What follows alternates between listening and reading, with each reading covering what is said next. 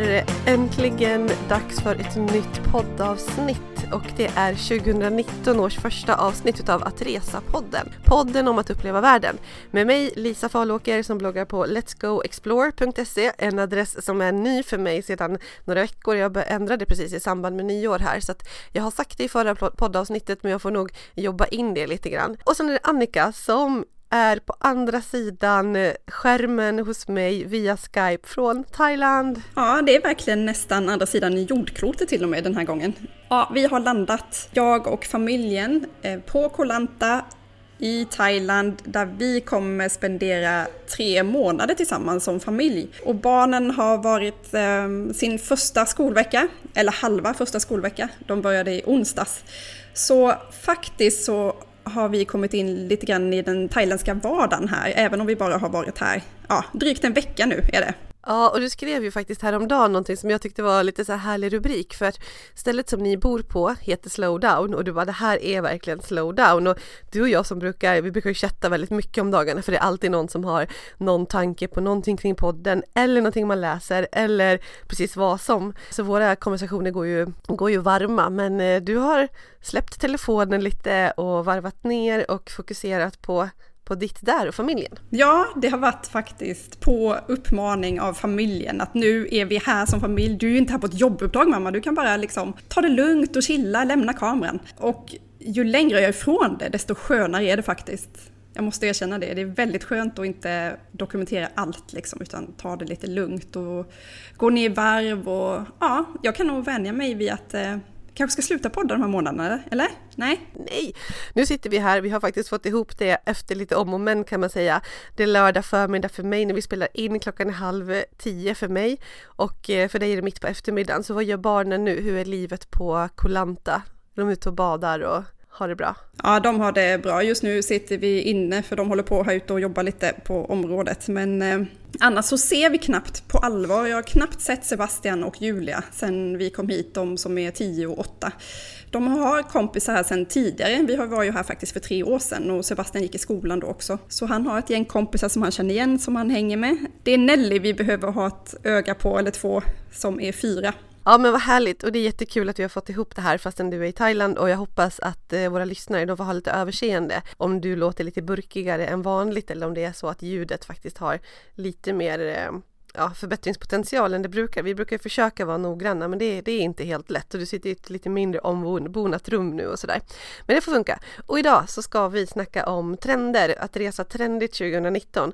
Vi avslutade förra året med att prata nyårskarameller, vad har vi gjort under 2018, vad har vi sett för rese, vad ska man säga, inte resetrender, men vad har vi sett att ha hänt i reseväg 2018? Och varje år brukar vi börja med att spana framåt, att vad tror vi inför det här året? Och eh, det kommer vi göra nu om 2019 också. Ja, men precis. Det är ett skönt sätt att ta avstamp i det nya året. Och vi kan väl konstatera, om vi ska börja slänga oss in i hela det här 2019, att först och främst klimatet kommer påverka vår reseagenda på något sätt. Hur det blir, eh, det är väldigt individuellt beroende på var du är i den här processen. Eh, men jag tror kanske att alla i alla fall kommer höra diskussionen någon gång under det här året. Eller man kan inte undgå att läsa rubrikerna i media, på nyheterna.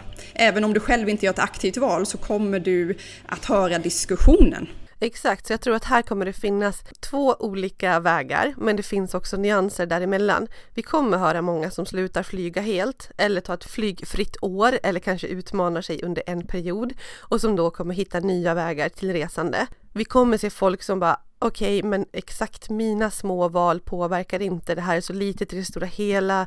Flygtrafiken eh, utgör alltså 3 tror jag att det är ungefär. Nu så hamrar jag inte in det i sten, men det här har jag läst någonstans att liksom själva flygtrafikens påverkan eller koldioxidutsläpp ligger någonstans där. Och att därför resonerat så det spelar ingen roll så jag gör vad jag gör. Och många kommer hamna däremellan. Och med det menar jag att man kommer utgå från sitt eget, alltså det här gäller ju mig också och dig också, vi har pratat om det här länge och det här är inte, för mig är det inget nytt, jag har till exempel en, en egen intern policy på att aldrig flyga inrikes till exempel.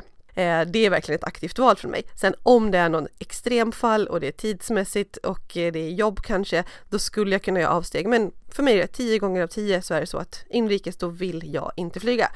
Nu bor jag i Stockholm och det är lätt att säga och herregud, jag flyger ju många långflygningar. Men det här är bara ett exempel på att folk kanske gör olika val i olika situationer. Och man kanske upptäcker tåg och man kanske utvärderar till exempel ja men jag älskar att åka skidor, det är det bästa jag vet och åka till Alperna en gång, ja men då, då tar jag det. Jag vill åka dit för att få en helt annan typ av åkning. Men man kanske inte tar flyget till, till berg i Serbien eller Polen eller någonting sånt här som ofta klassas som de billigaste skiddestinationerna för att fjällen där inte är högre än vad de är till exempel i våra svenska fjäll. Så Förstår jag menar att jag tänker så att det kommer vi se i flygandet. Vi kommer se aktiva val och vi kommer se allt på gråskalan och den svartvita. Vi kommer se folk som flyger som förr, vi kommer se folk som inte flyger alls och vi kommer se nya trender och nya sätt att resa och eh, aktiva val, tror jag. Ja, jag har faktiskt hört flera av mina kompisar säga det här att ambitionen är att de vill, alltså de har en tanke om att de faktiskt kanske vill då sluta flyga under det här året. Men sen när man pratar närmare med dem så så är väl sanningen snarare att de kanske ändå kommer smyga in en och annan flygresa men de kommer inte lägga ut det på sociala medier så vi kommer inte få se den här flygplansvingen dokumenteras på Instagram lika frekvent som vi har gjort tidigare. Nej men precis, nej men så är det nog för att så långt tror jag flygskammandet har nått eller kommer att nå under 2019. Att man inte i lika stor utsträckning eh, mässar om just själva flygresan, även om många liksom bara älskar själva flygresan. Så det tror inte jag heller. Eh, och jag tycker att jag redan har sett det i sociala medier bland influencers som helt plötsligt befinner sig på ett ställe och sen på ett annat och inte nämner någonting om det däremellan. Man kan tycka att det är hyckleri eller så kan man tycka att okej, okay, ja, men de kanske inte vill eh, romantisera kring själva flyget längre. Så att vi får väl se exakt hur det utvecklar sig. Men eh, det är absolut en spaning. 2019 blir det betydligt färre flygvingar. Eh, det blir mer färre flygvingar än vad det blir flyg rent allmänt. Men jag tror också att vi kommer se en Ja, jag, ska, jag, tror kanske inte att vi ser att flyget går tillbaka, men eh, jag läste någon rapport om att det redan har minskat med att från att det brukar öka med 5% varje år så var det nu bara 1, 1 Så att det kommer nog stagnera tror jag, mm. i Sverige. Sen har vi ju en annan grej som är hur folk utomlands ifrån reser till Sverige, men det är en helt annan eh, diskussion. Ja, och det finns ju lika många sätt att se på det här, lika många undersökningar finns det, för jag fick ett pressmeddelande häromdagen från ett specifikt flygbolag som gjorde all time high, där, där de hade fler bokningar och flyg än någonsin. Så det beror på vilket, vilket perspektiv man, man väljer eh, och vilken undersökning man tittar på. Men faktum var att eh, enligt en undersökning som vi kollade på så hade eh, flyget då minskat. Men om vi kollar på Sverige så hade vi en extremt varm sommar 2018. Och det måste vi ju förstå då att det faktum gör att det påverkar bokningarna för 2019. Eh, om, om folk har det här redan i Eh, sitt medvetande att det var så härligt i Sverige, vi hade så skön sommar, åh vad det var underbart. Då så kanske inte det första du gör är att eh, åka iväg en månad till Bali under juni månad 2019. Nej men precis. Sen så känner jag ändå själv att jag hoppas att eh, när de här barnfamiljerna och resenärerna tar och gör sin resa som förmodligen är hett efterlängtad, som man har sparat till länge, som man åker till, då hoppas jag att man får njuta jag hoppas att inte skammen går så långt för jag tror inte att vårt stora problem är barnfamiljen som kommer iväg på sin hett efterlängtade semester och får njuta i ett klimat som är varmare än Sverige där allt är bökigt med kläder och eh, eksem på fingrarna och ja men du vet så att det, det, är inte där liksom. Ja. Nej och jag vet ju, alltså jag är ju mitt uppe i det här. Jag sitter nu 200 meter från en paradisstrand i Thailand. Jag är ju en av de personerna som jag väntar, alltså jag väntar nästan på att det ska komma eh, arga eh, kommentarer och eh, meddelanden och du vet, hur kan du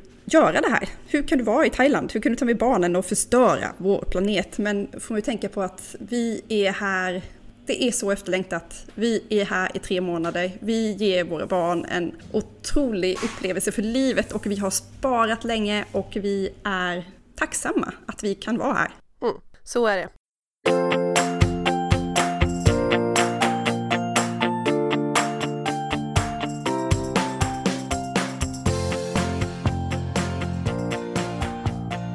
Men om man ser då på de här äh, gråskalorna emellan och hur vi faktiskt kommer se ett ändrat resande så är det ju tåg. Alltså det går inte att nämna 2019 utan att prata om tåg. Och det här har redan äh, såklart tuffat igång. ja, bra Lisa! Ja, exakt. Så det har vi ju sett länge men det diskuteras så mycket tåg och tågluff och tåga med, tåga, tågluffa med familjen vi intervjuade underbara Klara under 2018. Vi testade på att åka lite inrikeståg, framförallt i Tyskland och har skrivit en del om det.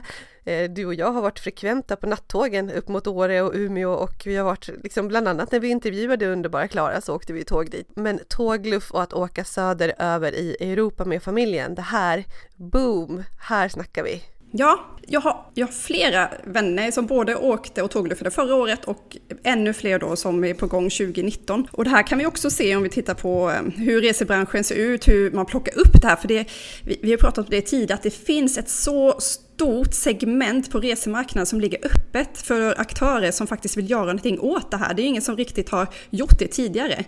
Eh, kollar vi på till exempel Vagabond, resetidningen. Nu kommer de ut med en jättestor tågspecial i början av december. De var snabba med att plocka upp det här. Det kommer nya arrangörer. Ja, om vi pratar Vagabond då så kommer de att arrangera en eh, tågrundresa till Italien tillsammans med ett reseföretag. Jag läste att DN tillsammans med Världens Resor, de har fixat tågcharter mellan Stockholm och Venedig. Så de har chartrat ett helt tåg i augusti nu, 2019. Och den blev så populär så de var tvungna att öppna en ny resa jättesnabbt efter för den, ja, den var så populär. Men sen pratar vi kostnad och pris eh, när vi är inne på de här frågorna. Till exempel den här charterflyg, eller vet charterflyg, det här chartertåget ner till Venedig. Då får du betala 20 900 för en vecka. Det är ju inte heller sådär att det är inte billigt att åka tåg. Men det beror ju väl också på då, precis som utbud och efterfrågan. Kommer, det, kommer priserna nu minska eftersom det blir ett, en sån stor efterfrågan? Vi hoppas det. Ja men verkligen och eh, sånt här kommer ju ta lite tid liksom och här är vi nu i Sverige att vi vill göra det här, vi vill ta oss ner till, eh, till Europa med tåg. Fantastiskt, alltså fatta om du skulle kunna hoppa på ett tåg i Stockholm fredag eftermiddag eller torsdag eftermiddag och vakna i Berlin på, lör- på fredag morgon då. Redo för att gå ut och käka en frukost där. Alltså det är ju underbart, men de finns inte och vi pratar i Europa, vi är där i Sverige nu att vi vill det, men det är ändå, det måste slå igenom i hela Europa. Och jag förstår också att vissa sträckor och linjer har dragit ner, nattågen är mycket färre. Det här kommer kanske ta tid, men som du säger, här kan ju vi som konsumenter faktiskt påverka genom att efterfråga. Sen får vi se, för att någonstans är det också så här, hur mycket kommer vara snack och hur mycket kommer vara verklighet? Kommer de här nattågen i Sverige fyllas? Är det det sättet som vi kommer välja att resa? Men eh, Nog kommer det vara mycket tågromantik i våra flöden under 2019 och jag välkomnar det. Det är ju ett fantastiskt sätt att resa. Jag älskar tåg, man hinner se mycket och ja, tåg, trend 2019, tveklöst. Nej men det är ju bara att kolla på eh, vår lilla bubbla här av resebloggar. Hur många har inte skrivit om den bästa tågresan? Och här samlar vi alla tips och inklusive jag själv. Jag har ju åkt tåg länge. Jag åker alltid tåg hem till Karlskrona, eh, nästan i princip. Jag har gjort det här länge, men nu är det som att nu måste vi skriva om det här, nu måste vi få upp ögonen, nu måste vi boosta det. Och det kommer från alla håll och kanter, inte bara resebloggar utan som sagt magasin och eh, tv-program. Och, ja, det, det är inne, det är trendigt att åka tåg. Mm, verkligen. Och jag tänker också apropå gråskalan då, att göra sina aktiva val. Att om man kanske väljer inte tre eh, resor med billigt flyg utan en längre eller ja men du vet man gör aktiva val. Då vill man ju ha de här resorna som tar lite längre tid där man får uppleva mycket för att om man ska betala mer dessutom för tåg då måste det ju vara att det har en positiv effekt. Det kan, det kan vara klimatet som styr. Det kan vara sättet att resa i sig. Det kan vara tiden man har med familjen säger det igen, lyssna på det här avsnittet med underbara Klara för det var ju liksom så mycket fokus på, på just det, vad man hinner prata om, uppleva, eh, umgås med den man reser tillsammans med. Men man vill också då ha mycket upplevelser längs med vägen. Så jag tror också på att i komplement med tåg så roadtrips, det kommer vi också se ännu mer utav. Att eh, ja, stanna längre, roadtrip, se de här små gömda pärlorna. Det är också lite grann i ehm, eh, samband med secondary cities som vi brukar prata om, att se fler ställen. Så absolut, kunna stanna längre. Så tågluff och roadtrip, sånt som tar tid men som stillar mycket upptäckarlust. Mm, slow travel som brukar prata om i, i, som begrepp. Och just med roadtrips, absolut att du tar bilen och åker ut, men också för att plocka upp eh, en trend som vi pratade om inför 2018 på Karavanmässan eh, i Stockholm i början av året. Det var ju sådana här små plåtisar och campervans som jag tror kommer fortsätta växa jättemycket. Jag har eh, också sett det i mina då flöden om jag kollar på mina egna. Kompisar som köper en mindre skåpbil, river ut hela inredningen och gör en liten, en liten campervan helt enkelt. Det tror jag absolut går i, i stil med det här att du vill resa långsamt och roadtrips och eh, vara fri att upptäcka. Ja, verkligen. Vanlife är också ett begrepp för det. Där kan jag tipsa om, om man är intresserad av det, så Explorista är en tjej som heter Emmy, ligger bakom den bloggen och hon och hennes kille, de köpte just precis som du säger en skåpbil och har byggt om den från början till slut och hon ger jättemycket tips på sin eh, blogg och hon eh, fotar jättefint och eh, lägger ut från, de åker mycket och kör kitesurfing och mountainbike och sånt där så att hon tilltalar ju, ja jag gillar deras livsstil verkligen. Så det kan man kolla på om man är intresserad på det. Men det är en bra spaning Annika, det hade inte du med här i stolparna så att jag, men jag kan ju bara hålla med dig om att det, så är det verkligen. Ja, och just med explorista.se ska jag tillägga att man, du går in och kollar på explorista.se. Men de hade ju ingen koll alls. Du behöver ju inte vara superexpert utan de har ju bara verkligen googlat sig fram och byggt fram den här bilen bit för bit utan att ha någon som helst kunskap. Så det behöver ju inte vara superproffs och superfixig för att ge dig på ett eget projekt. Nej, precis.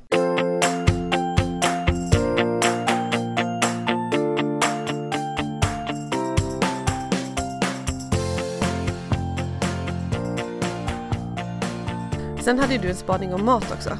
Just det, om vi pratar om det här hela hållbart resande. Vi måste komma ihåg nu att när vi pratar om hållbarhet och medvetenhet kring resor så är det ju väldigt många som fokuserar på ja, men hållbarhet är lika med sluta flyg, flygplan och sen är vi nöjda där. Men kollar vi runt omkring oss eh, så handlar det om så mycket mer än det. Och en, en sak som vi kommer plocka upp och se mycket mer som trend 2019 Eh, som liksom en eh, som ett resultat av det här med hållbarhet, det är ju maten som vi äter när vi reser. Alltså, vi pratar matsvinn, vi pratar att käka veganskt, vegetariskt. Och det här är ju en del i att faktiskt leva hållbart och det innebär nu att när du reser iväg så kommer du också tänka på det och vara ute efter sådana alternativ. Jag vet att nu när jag är på Kolanta till exempel, Katrin Zytomierska, profilen och Bingo Rimér är här samtidigt som oss och hon är ju bara ute efter att käka på ställen som har bra mat, alltså inget tillsatt socker. Det är ju väldigt mycket tillsatt socker här i, i Thailand. Och hade hon kommit för tio år sedan hade det inte funnits några sådana alternativ, men här på ön finns nu hur mycket som helst och det är yogaställen och det är små mysiga café och det är raw food och det, det, det finns liksom att välja på. Och samma sak, åker du till New York och vill gå på afternoon tea, ja men nu så finns det vegan afternoon tea att välja på. Så att Yoga Girl hade bloggat om. En annan del som också liksom vi kan se, i morse var vi på, tillsammans på ett av våra favoritställen här som heter Thai Cat. Dit vi brukade gå. Eh, vi beställde in läsk och Tidigare har vi alltid fått eh, sugrör, plastsugrör, utan att ens fråga om det. Och nu fick vi in burken med cola, inga sugrör. Så att det, det kommer ju alltså det här med plast, att plocka plast på stränderna, allt med mat. Vi kommer få se en, en stor skillnad i hur resandet ser ut när du väl är på plats, när du har tagit kanske det där flygplanet så du kanske inte riktigt känner dig helt bekväm med, men du gör ändå för att du, ja, det, eh, det kommer spilla över Eh, det här hållbarhetstänket såklart på resan eh, när du väl är på plats också. En sak som du sa där nu som jag plockade plockar upp lite grann är det här med att plocka skräp eller plast på stranden och så. Det här är ju ett enormt problem och eh, ingen, som, ingen har väl undgått de filmerna som är från vissa ställen med just det här med att det flyter upp plast och plasten som finns i våra hav och det är ju helt fruktansvärt, vår vackra, vackra, vackra värld och att det ska behöva vara så här.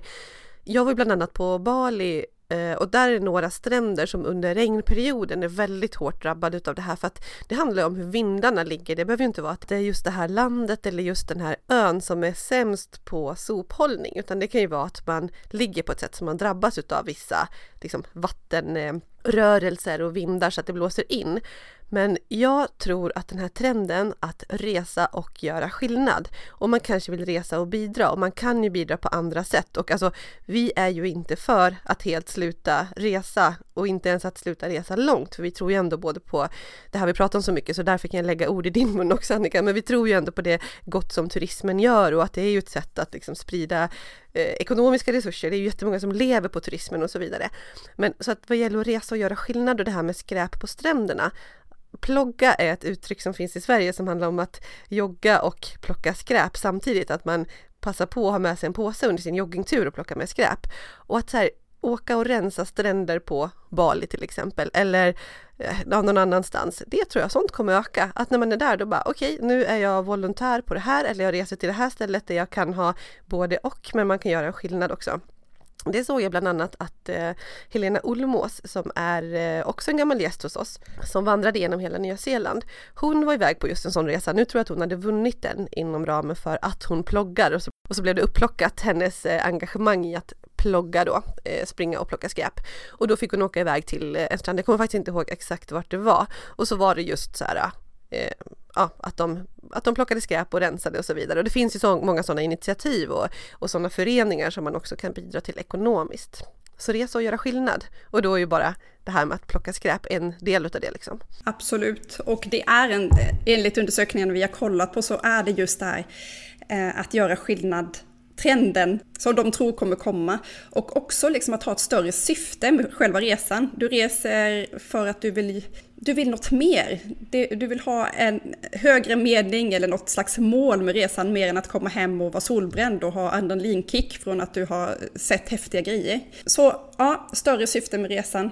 Eh, och kanske kombinera med någon slags volontäruppdrag eller något liknande som du har pratat om. Jag kommer faktiskt göra en sån här typ av resa nu i februari. Eh, jag har varit engagerad i Plan International ganska många år och jag kommer tillsammans med dem att följa med som resande reporter till Myanmar och då pratar vi om det här att faktiskt åka ut och se de projekten som Plan är involverad i och se hur de jobbar och med det kunna sprida ordet om deras verksamhet och vad de gör på plats. Alltså se vad alla de här pengarna som vi faktiskt ger till hjälporganisationerna, vad händer med dem och hur ser det ut och varför behövs de?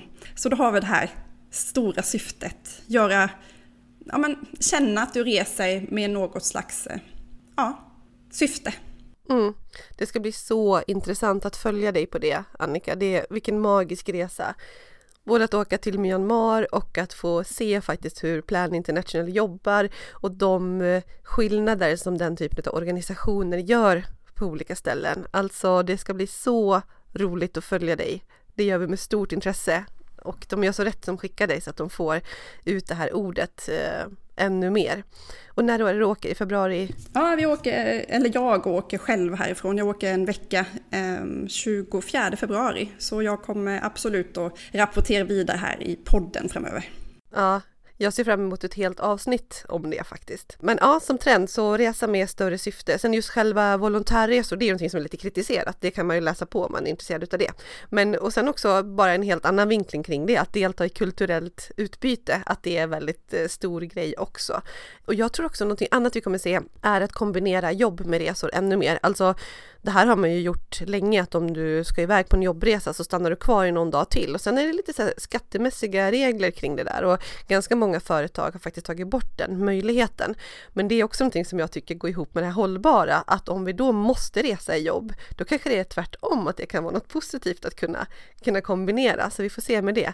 Men jag tror också sådana här nu åker jag någonstans och är där i tre månader och typ, ja men jobbar som digital nomad helt enkelt. För numera kan man ju komma åt sin arbetsplats på så otroligt många sätt och, eh, och arbetsgivare blir mer och mer moderna i det här med att faktiskt eh, inte vara lika bunden till ett kontor och eh, jag ser själv i mina flöden hur folk kan åka iväg och, och vara borta under en längre period och eh, jobba på distans och faktiskt på riktigt känna den här känslan att här, jag bor i den här lilla byn i Italien och jag går ner och tar min cappuccino här och sen sätter jag mig på det här kaféet här och jobbar och liksom får känna sig som, som att man bor någon annanstans utan att man behöver göra det för all framtid.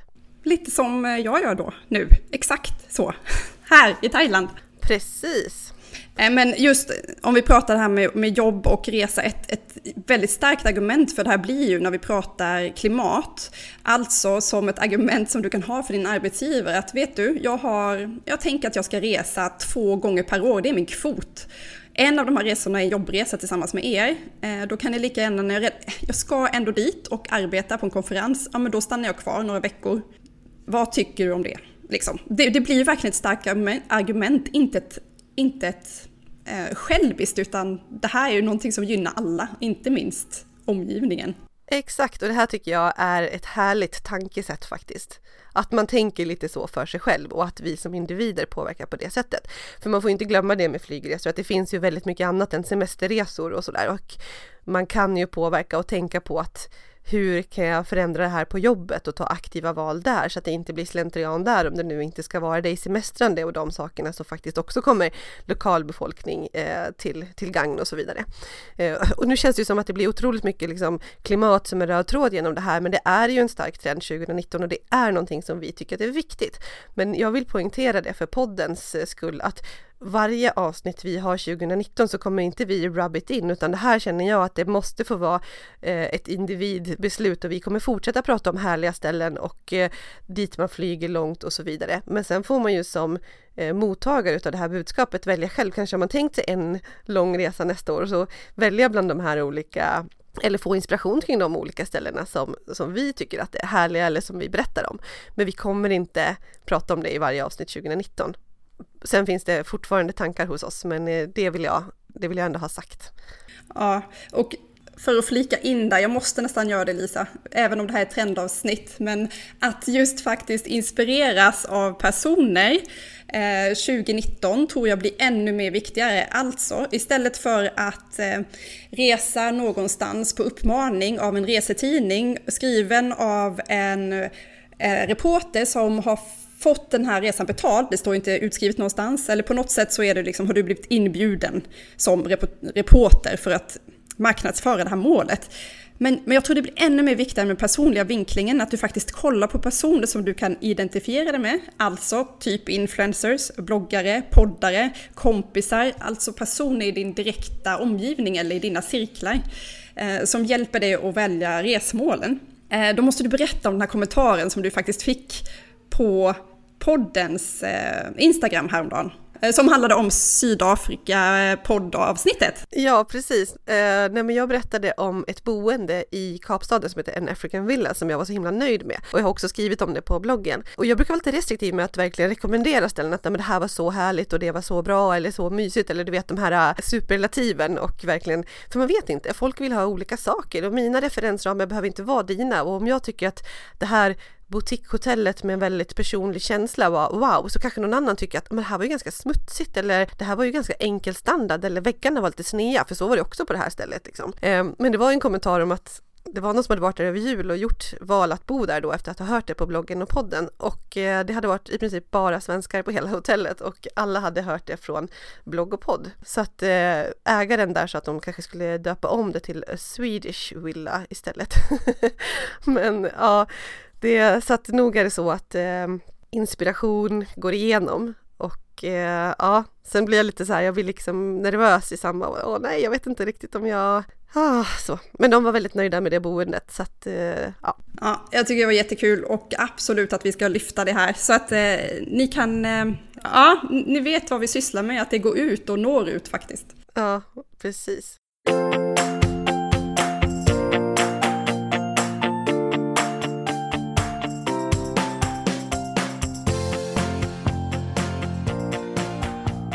Trend, en annan trend som vi behöver lyfta är någonting som vi lyfter varje år och som vi tror mycket på, men det ökar fortsatt tveklöst. Och det handlar om secondary cities och upplevelser.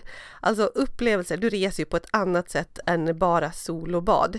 Man har länge pratat om att du är vad du reser och jag tror att det är ännu mer sant 2019. Det kan komma från allt till typ av resor, hur aktiv är du och så vidare till om du flyger eller inte. Vem är jag? Vad sätter jag för stämpel på mig själv och, och så? Så jag tror mycket på just det där upplevelser och stärka dina egna intressen under resor. Så att är du en aktiv person och du går igång på vandring, då är det en vandringsresa du vill göra. Det är inte så här ja men det är det här, det är sol och bad som förväntas och återhämtning utan det, det, det bara fortsätter. Men det är ingen ny trend men det är, vi kommer se det. Därför tror jag också på mer spontana bokningar. Jag tror inte att vi kommer se jättemycket så här, det här är bokat i år eh, och det är inte bara sommarsemester med sol och bad utan man har resa när man, man vill resa när man har tillfälle. Vad passar just nu och just nu den här tiden på året vill jag göra det här. Jag vill röra på mig kanske eller jag vill ha värme eller jag vill se en spännande sevärdhet. Så spontanitet och eh, upplevelser. Mm. Pratar vi upplevelser så blev det väldigt tydligt för mig. Eh, I, precis innan jul så var jag i Dalarna tillsammans med familjen i Orsa Grönklitt. Eh, det var ett samarbete med Visit Dalarna.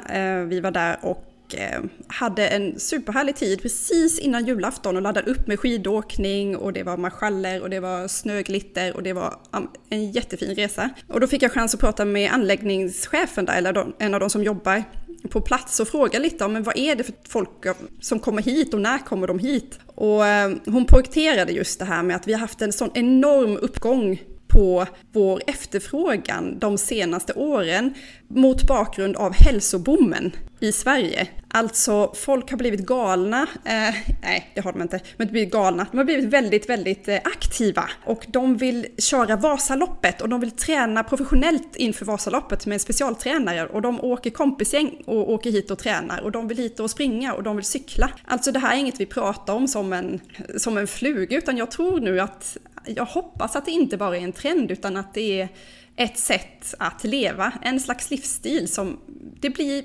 viktigare att, att vara aktiv. Och samtidigt har jag då rapporter om att våra ungdomar, de rör sig mindre än någonsin. Alltså det är katastrofsiffror på eh, hur mycket en, eh, ett vanligt barn rör sig idag, för det är så mycket stillasittande. Men jag hoppas att liksom det här aktiva bommen på något sätt spiller över och blir, oh, hur ska vi göra? Jag vet inte. Men i alla fall, det som kan konstateras är att efterfrågan på de här typerna av anläggning, alltså en familje och träningsanläggning, de, det ökar och man vill ha det på semestern. Det kanske faktiskt kommer vara så att under vardagarna så alltså tycker du att det är okej okay att ditt barn sitter och spelar flera timmar varje dag framför en skärm. Men sen när semestern närmar sig, då vill de men det är nu, nu ska ni röra på, eller nu ska vi röra på som familj och därför bokar vi in oss här en vecka där vi kan springa och cykla och hoppa. Jag vet inte, vad tror du? Jo, men det tror jag verkligen och jag tror att den typen av resor är någonting som vi under en period har sett att det är som sagt kompisgänget eller paret som tänker att eh, man vill göra något aktivt, eh, inte bara åka på en herrgårdsweekend och käka massor med mat och möjligtvis gå en promenad utan man vill göra något aktivt och också ha den här härliga inramningen och eh, god mat och så vidare. Men just det där som du säger att göra det med hela familjen och som ni var i Orsa grönklitt såg det så otroligt fint ut. Nu var det här vinter också så då är det ju lite skidåkning och längdskidåkning och väldigt lättillgängligt och på ett väldigt, väldigt enkelt och bra sätt. Men det är kanske en trend som vi kommer prata om framåt, att göra det här med hela familjen också, för att de här ställena, typ Orsa Grönklitt, Högbobruk och så vidare, andra bra spelare i den här genren, de gör ju väldigt mycket för barnen också och försöker göra det väldigt barnvänligt och familjevänligt. Så att eh, ja, och hållbarhetsperspektivet också, så att resa nära och resa till de här aktiva ställena och servera barnen aktivitet och vacker natur och liksom den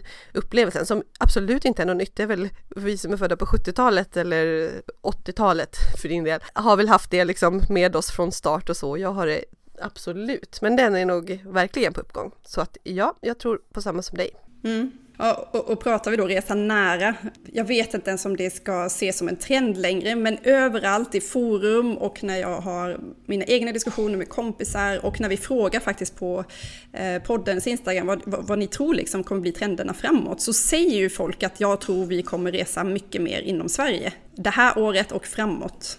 Och det har ju vi, alltså det är väl ingen ingenting som vi tror kanske kommer vara en trend utan en, att det kommer behöva vara så. För att vi kan inte åka till alla ställen samtidigt. Vi måste sprida turismen och börja med och eh, faktiskt kanske se vad du har runt omkring dig. Men komplettera. Du kanske kan köra varannan weekend i Sverige och varannan utomlands, vad vet jag. Men gör i alla fall ett aktivt val, fundera över det.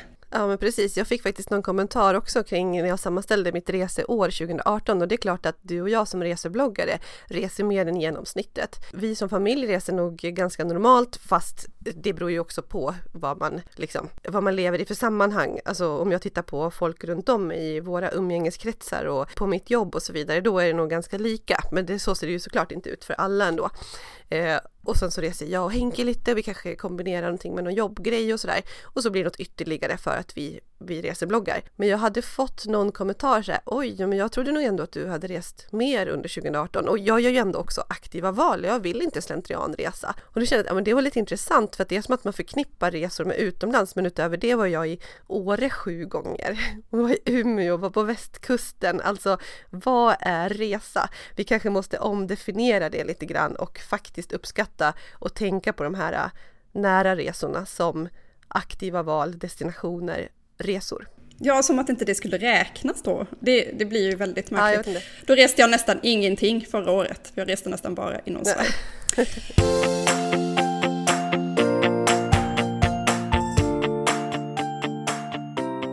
Och, och, det här när vi pratar om, vi, vi, nämnde det snabbt om secondary cities, det är ju någonting som vi vill lyfta och, och verkligen jobba med aktivt här genom podcasten och våra bloggar, att faktiskt eh, se de här nya typerna av städerna. Vi har redan bloggat om Dresden som alternativ till Berlin och inte bara som alternativ utan att du kanske faktiskt ja, men, gör Berlin en dag men sen så kanske du kan ta dig ut.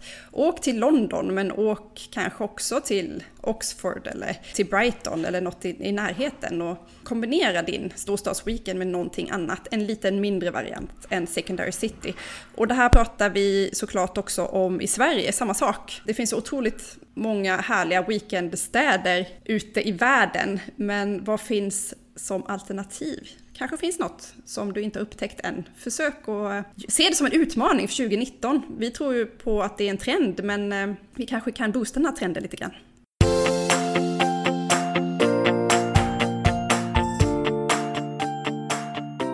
En liten minitrend men som jag bara vill nämna någonting, en spaning som jag har gjort och det är eh, elcykel.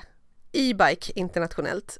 Alltså, jag är ju själv en hängiven elcyklare. Jag pendlar varje dag till mitt jobb, 12 kilometer enkel väg året runt, eller alltså det är inte exakt varje dag för att om jag ska iväg på kvällen eller ja, det kan ju finnas anledningar till att den står kanske en dag i veckan men då tar min man den gladeligen så att den åker omkring här hos oss varje dag. Och när jag var nu i, ehm, jag var på en skidresa till Österrike. Jag var i Obergurgul, fantastiskt härlig liten skidort och i eh, Sankt Anton. Och där pratar man i alla fall, eller jag såg att det stod stora så här fatbikes, du vet med riktigt feta däck så här för vintercykling och e-cykel då, e-bikes eh, utanför där. Och eh, det här är någonting som man sett i flera år och framför allt i alpmiljöer att eh, alltså det ökar så mycket med elcykel på destinationer i resmål. Du vet, du kan cykla upp för berg utan att vara en supertränad person. Nu låter det här som att det går rakt tvärt det här aktiva men man måste ju tänka på att en elcykel för pendling det, det ersätter buss eller tunnelbana eller bil. Det ersätter inte att cykla vanligtvis, utan det är en annan grej. Och det är samma på destinationen också, att cykla upp för ett berg, ja men det hade du kanske inte gjort. Och du tar dig längre sträckor. Och alla kan göra det här. Alltså du behöver inte vara supertränad, du behöver inte vara i en exakt åldersgrupp utan kanske äldre, så här, du vet, ja, när man börjar bli äldre och kanske inte lika stark längre. Man kommer längre sträckor, man får större upplevelser. Och det här är en fantastisk trend. Hållbar, slow travel och så vidare. Nej, så e-cykel, det tror jag verkligen på. Eh, på destinationer för större upplevelser, mäktiga naturupplevelser på ett härligt och eh, långsamt, underbart bra sätt. Jag, jag älskar e-bike. Mer sånt 2019, i Sverige också hoppas jag på. Ja, för vi läste nämligen i någon av de här undersökningarna och trendspaningen att, att man trodde elbil skulle bli en stor grej 2019. Alltså att du tar dig ut och eh, med elbil. Vi är faktiskt inte riktigt säkra på att det här, vi, vi pratade en del om det, eh, jag tror inte riktigt vi är där än. Jag tror att det kommer bli längre fram, men det är fortfarande så att den tekniska utvecklingen Alltså du kan inte köra jättelångt med din e-bil innan du måste ladda, ladda, ladda och sen kör du vidare. Jag tror inte att jag skulle vilja roadtrippa med mina barn i en elbil nere på Balkan än. Absolut om några år, men jag tror inte att vi är där 2019. Nej, men e-bike kör vi på. Ja, vi cyklar. Men du, vi, jag vill inte släppa upplevelseresorna 2019 riktigt än, för jag måste flika in med eh, naturupplevelser och vandring. Som jag tror kommer verkligen att eh, bli en ännu större grej 2019. Det har varit stort nu, men det kommer bli ännu större 2019. Både familjer, par och ensamma resenärer kommer att vilja vandra mer. Vi vill se fjäll, vi vill se stjärnklara himlar, vi vill se storslagen natur och vi vill röra på oss samtidigt. Så ja, jag tror på vandring. Absolut, det, det gör jag också. Eller det tror jag också, både med familj och eh, utan. Många fler kommer att göra Kungsleden åka till Abisko, ta nattåget upp i Sverige och eh, vara ute i den storslagna fjällnaturen. Absolut.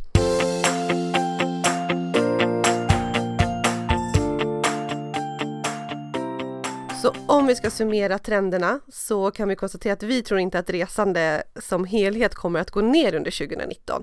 Men vi kommer se att eh, klimatet påverkar vårt resande. Vi kommer vilja resa klimatsmart och göra aktiva val. Vi kommer se vit och svart skala och vi kommer se gråskala och vi tror och hoppas att alla kommer ta med sig medvetande in i sitt resande 2019. Vi tror mycket på resa med tåg, vi tror på roadtrips, sånt som tar lång tid och ger stora upplevelser. Vi tror på upplevelsebaserade resan, inklusive vandring och mycket fokus på natur. Vi tror fortfarande på secondary cities framför massturism och inte minst vill vi uppmana till det. Fortsätt kolla utanför de stora klassiska ställena. Vi tror på att kombinera resor med större syfte och att göra skillnad. Vi tror på nära resande och eh, slow travel och e-bikes.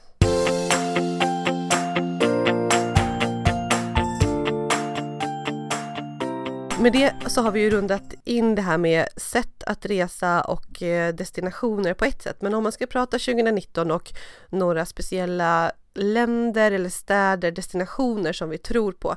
Det här har vi läst om på massa olika ställen men eh, jag tycker det känns lite ointressant. Vi har läst om väldigt mycket olika på olika ställen och vi har ju våra egna spaningar. Herregud, vi är ju reseinfluencers själva så att jag vill höra vad, vilka länder eller städer tror du på som eh, trendiga eller upcomers under 2019? Och jag tror att vi kommer få se en fortsatt, ett fortsatt fokus på Balkan som vi pratade om förra året, men kanske lite ännu mer nu att, att man går in i action och faktiskt bokar de här resorna som man kanske funderat på innan. Eh, ett av de länderna är absolut Slovenien, där vi var förra, för förra året med familjen. Du var där i år för första gången. Nej, förra året blir det nu. Jag glömmer att det, vi är inne på 20, 2019 nu. Ja, men Slovenien som land tror jag absolut att vi kommer få se som en boost i resetrendssammanhang. Ett så pass litet land som innehåller så mycket och som är så vackert och bildskönt. Jag tror på Slovenien 2019.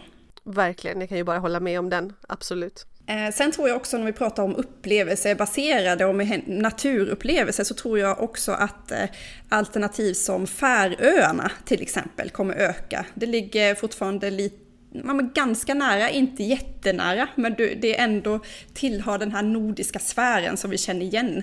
Eh, som vi kanske bara har liksom helt bortsett från tidigare. Eh, eftersom vi har fokus på andra resmål som ligger längre bort. Men ja, jag tror på Färöarna och Norden generellt. Alltså att vi vill se mer av Finland, mer av Norge och mer av Danmark. Det tror jag. Vad tror du Lisa? Ja, ja, nej men jag håller absolut med Färöarna. Herregud, det kommer ni se i flödena hos de av era vänner eller de ni följer som är trendiga, tveklöst. Och kanske även Grönland och Svalbard och sådana ställen. Det tror jag. Mäktiga naturupplevelser, lite så här karga, lite så.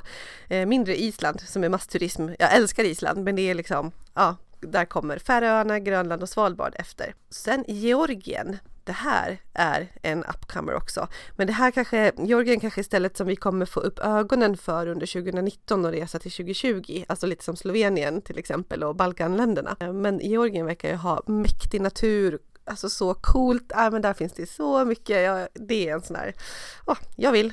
Ja. Sen tror jag också, om man nu pratar mer traditionell sol och bad och Medelhavet och så, så tror jag mycket på Albanien. Det är en upcomer, det har um, ja men de har fantastiska stränder, kristallklart vatten, finns mycket att se, eller ja inte mycket att se men mycket att njuta utav i Albanien. Det finns också lite vandring och så men det tror jag i och för sig kanske inte kommer vara för eh, den gemene turisten. Men att Albanien blir ett alternativ till Grekland, ja det tror jag. Och sen om man ska prata långresa, alltså Thailands alternativet som man ofta eh, svänger in på, för folk kommer fortsätta resa på vinterhalvåret till sol och eh, bad, så är det bara. Då tror jag på Mauritius, det kommer vara nästa sånt ställe som folk vill åka till och bara ha det härligt.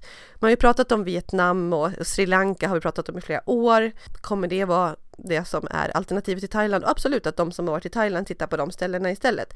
Jag tror inte på Vietnam så mycket. Jag var där för bra många år sedan och tyckte det var helt fantastiskt. Men när man är ute efter fina stränder och samma känsla som i Thailand. Jag tror inte att det kommer bli Vietnam som etablerar sig som det. Eh, men jag tror att Mauritius kommer vara ett sådant alternativ som vi kommer se mer reguljär flyg till och och eh, att man åker dit och du vet hoppar runt och kanske bor på lite olika ställen och så. Mm. Eh, Sri Lanka har jag sett väldigt, väldigt, väldigt mycket i mina flöden också. Och det tror jag kommer fortsätta 2019. Men det är många som jämför, när man pratar Thailand sen så, ja, ah, nej men det är ganska härligt i Thailand ändå. Eh, trafiken på Sri Lanka är ju väldigt intensiv, fick jag höra här. Eh, det har du konstaterat tidigare också, att man vet ungefär vad, man får. Och eh, med det kan jag ju säga att jag vet verkligen vad jag får. Nu ska jag vara här i tre månader och det finns en anledning till att vi ständigt återkommer hit. Men jag är inte så trendig i det avseendet, uppenbarligen. Jag sitter här. Eh, och, Thailand, är, du är årets trend 2019 Annika. ja, inte. Nej men, ja. Det är så kul att spela in de här avsnitten som handlar om trender. Eh, vi höftar lite, vi gissar lite, vi tar in de spaningarna som vi själva har plockat upp från resemagasin, från eh, kollegor, från alla håll och kanter och så kokar vi ner det till det här avsnittet. Och det ska bli jättespännande att se vad vi tar vägen under 2019 och har ni själva några tankar om det här som ni vill dela mer av så hör gärna av er till oss på, på mail. Vi har inte sagt vår mailadress på ett tag men det är hej attresapodden.se Hör av er och berätta eller följ oss på Instagramkontot som heter Attresapodden. Och det är ett ganska bra ställe att skriva en kommentar. De försöker vi ju fånga upp verkligen, så det är ett enkelt sätt. Eller kommentera på någon av våra bloggar förstås. Resfredag.se och letsgoexplore.se. Men med det så tror jag att vi knyter ihop säcken för det här 2019 års första avsnitt och du ska få gå ut och ta dig någon, något härligt kvällstopp i eh, solnedgången eller så Annika. Jag ska springa vet du, för jag är supertrendig i den mån att jag är väldigt eh, hälsofixerad. Jag ska springa maraton i juni, Lisa. Måste nämna det här i podden också så jag inte kan göra bort mig. Nu har jag sagt det, nu måste jag göra det. Ja, det är bra. Ja, du är grym. Men tack för idag, ha det så fint och så hörs vi igen om ett par veckor. Jag hoppas att jag och Annika får ihop våra podddejter. Det är lite utmanande med tidsomställningar och heltidsarbete och så vidare. Men eh, vi hörs av om några veckor. Det gör vi. Ha det så bra. Ja, hej då. Ja, hej då.